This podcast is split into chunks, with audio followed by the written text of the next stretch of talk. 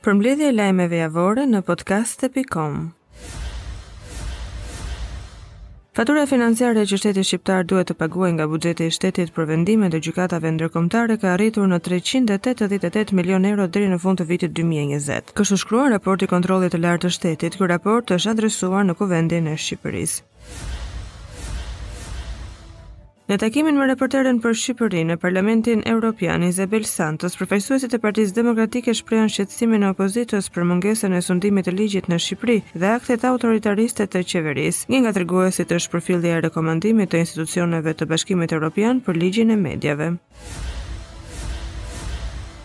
Presidenti Ilir Meta ka pritur në zyrë diplomatin amerikan Richard Grenell, i cili gjatë administratës Trump ka qenë i dërguar special për dialogun Kosovë-Serbi. Është gjithmonë kënaqësi të kesh Richard Grenell në Shqipëri dhe në zyrën time. Vlerësohet shumë angazhimi i tij në mbështetje të forcimit të mëtejshëm të marrëdhënieve dhe bashkëpunimit ndërmjet Shqipërisë dhe Shteteve të Bashkuara, shkruan presidenti Meta. Në një postim në Twitter, kryetari i Partisë Demokratike, Lulzim Basha ka shkruar: "Shteti i kapur nga korrupsioni nuk i shërben qytetarëve dhe biznesit. Për të dalë nga kjo krizë, Basha sugjeron, zgjidhja është pastrimi i politikës nga të korruptuarit dhe politikanët e lidhur me krimin." Ministri i Brendshëm Bledi Çuçi tha se në buxhetin e vitit dy mijë e njëzet e dy krahas rritjes së pagave do të investohet edhe më shumë në teknologji në mënyrë që Policia e Shtetit të ketë kontroll të plotë në monitorimin e të gjithë territorit të vendit. Në fjalën e mbajtur përpara efektivëve të Policisë së Shtetit, kryeministri Edi Rama ka thënë se Policia e Shtetit Duhet që të tregojë zero tolerancë për krimet mjedisore. Po ashtu kryeministri tha se do të ketë bonuse financiare për policët që shërbejnë larg vendbanimit ku jetojnë. Duke iu referuar fjalës së mbajtur të kryeministrit Edi Rama përpara efektivëve të policisë, deputeti demokrat Ervin Salianji në një postim në Facebook ka shprehur se të poshtërosh policët e shtetit duke përdorur si sfond të propagandës politike bën që çdo polic të ndihet i fyer, i poshtëruar dhe i pambrojtur.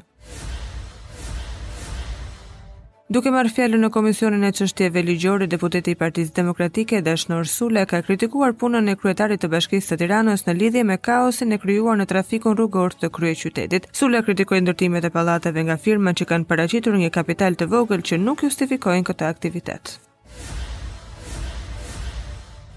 Në Komisionin e Ekonomisë deputeti i Partisë Socialiste Erion Braçe ngriti shqetësimin e kontratave të dhënies me qira të tokave bujqësore. Sipas tij, personat që kanë marrë këto toka janë banditë, ndaj ai kërkon ministres së Bujqësisë që të rishikohen dhe prishen pasi nuk shfrytëzohen ashtu siç duhet. Në deklaratën e parë në media, si ministër i Drejtësisë, Ulsi Manja ka thënë se qytetarët që do të përballen me abuzime nga zyrtarë të administratës shtetërore tashmë mund t'i denoncojnë ato nëpërmjet fakteve në njësinë antikorrupsion, kjo njësi ka nisur procesin publik të denoncimeve në SPAK për t'i dhënë fund korrupsionit dhe abuzimeve në administratën publike. Detaje të reja janë zbardhur në lidhje me aksionin e sotëm që po zhvillohet në hipotekën e Durrësit. Bëhet me dije se me urdhër të gjykatës së posaçme është bërë kontroll në 7 banesa për zyrtarë dhe ish-zyrtarë të kadastrës. Është zbardhur vendimi i gjykatës për ish-ministrin e Brendshëm Saimir Tahiri. Në vendim argumentohet se ka shkelje procedurale gjatë gjykimit të Saimir Tahirit, si të tilla që ka cënuar procesin e rregullt ligjor. Pra është vendosur prishja e vendimit të datës 26 qershor 2020 të Gjykatës së Posaçme të Apelit për korrupsionin dhe krimin e organizuar dhe dërgimin e çështjes për shqyrtim në këtë gjykatë me një trup tjetër gjykues. Tashmë çështja e Tahirit do të gjykohet nga shkalla e dytë, e cila do të marrë vendimin përfundimtar. Kontrolli i Lartë i Shtetit në një raport të tij e konsideron të paligjshëm pagesat e TVSH-së që qeveria bën ndaj koncesioneve PPP në shëndetësi. Gjatë vitit 2020 vazhduan të pranohen dhe likuidohen faturat tatimore mujore të check-up-it lëshuar nga koncesionari në vlerë 322 milionë lekë në të cilat përfshihet edhe TVSH-ja në masën 20% mbi vlerën e shërbimit shëndetësor. Një aksident i rëndë u shënua në kryqëzimin e 21 dhjetorit rreth orës 3:20 minuta pas mesnate. Burimet zyrtare të policisë thonë se në aksident janë përfshirë një mjet me drejtuesin shtetasin Emirjan Doko 30 vjeç, me mjetin me drejtues Luan Cenollari, si pasojë e përplasjes ka ndërruar jetë Cenollari si dhe njëri nga pasagjerët i identifikuar si Ali Beo 69 vjeç. Grupi hetimor shkoi menjëherë në vendngjarje për sqarimin e rrethanave të aksidentit.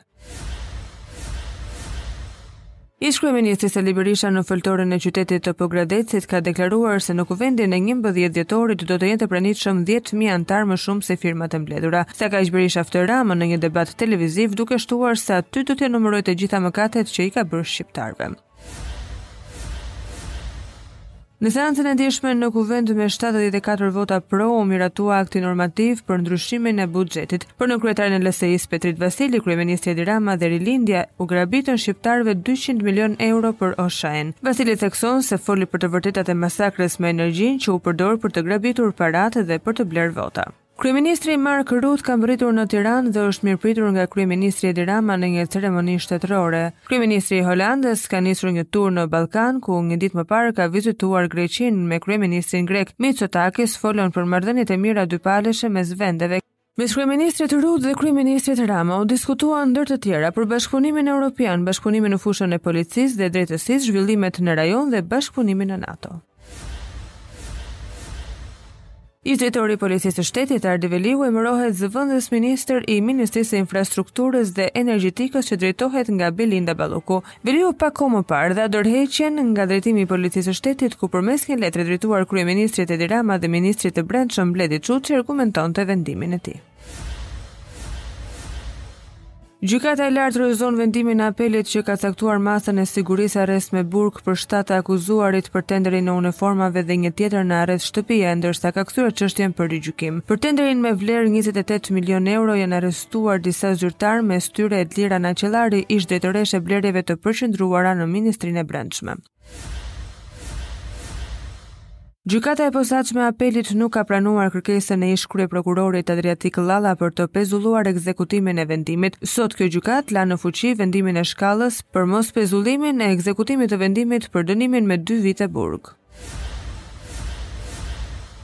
Një aksident i rëndë është regjistruar në mëngjesin e datës 10 nëntor në aksin rrugor Plepa Romanat ku një i ri ka humbur jetën. Ngjarja ka ndodhur rreth orës 5 të mëngjesit. Burime zyrtare nga policia bëjnë me dije se mjeti tip Benz me drejtuesin shtetasin me iniciale EK 23 vjeç ka humbur kontrollin dhe është përplasur me një plep. Si pasojë e përplasjes, drejtuesi i mjetit ndodhet në kujdesin e mjekëve në gjendje të rëndë dhe ka ndërruar jetë pasagjeri me iniciale GH 23 vjeç. Grupi hetimor po punon për zbardhjen e rrethanave të aksidentit. Kryetari i Partisë Demokratike Lulzim Basha ka lëshuar një akuzë të fortë ndaj qeverisë duke thënë se është bërë pjesë e një përpjekjeje për një puç brenda Partisë Demokratike. Nga selia e PD-s Basha tha se Sali Berisha nuk ka arritur të mbledhë numrin e duhur të firmave, ndaj i kërkoi atij të mos harxhojë kot energjitë e demokratëve duke ndihmuar kështu edhe Edi Ramën. Ambasadori gjerman dhe ambasadorja franceze deklaruan sot nga qyteti i Korçës se po punojnë për të bërë të mundur realizimin e konferencës së parë ndërqeveritare Shqipëri Bashkimi Evropian brenda presidencës sllovene. Ambasadorja franceze tha se shqetësimi i momentit është që ne të arrijmë të organizojmë konferencën e parë ndërqeveritare për Shqipërinë dhe Maqedoninë e Veriut. Nga qyteti i Elbasanit ku ka marrë pjesë në festën me rastin e ditës së çlirimit të qytetit Damian Gjiknuri ka thënë se Partia Socialiste është e gatshme të ulet me Partinë Demokratike për reformën zgjedhore. Gjiknuri ka folur edhe për presidentin e ardhshëm që duhet të jetë konsensual. Presidenti i vendit Ilir Meta ka dekretuar aktin normativ të votuar në seancën plenare për marrëveshjen mes Ministrisë së Shëndetësisë dhe kompanisë Pfizer për vaksinat anti-Covid.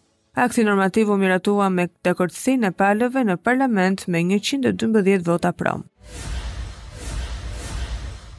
Deputeti i Partisë Demokratike Edmond Spaho tha se buxheti për vitin 2022 nuk ka asgjë pozitive pasi po rrit borxhin edhe më tepër nuk po parashikon rritjen e pagave dhe pensioneve në mënyrë të konsiderueshme.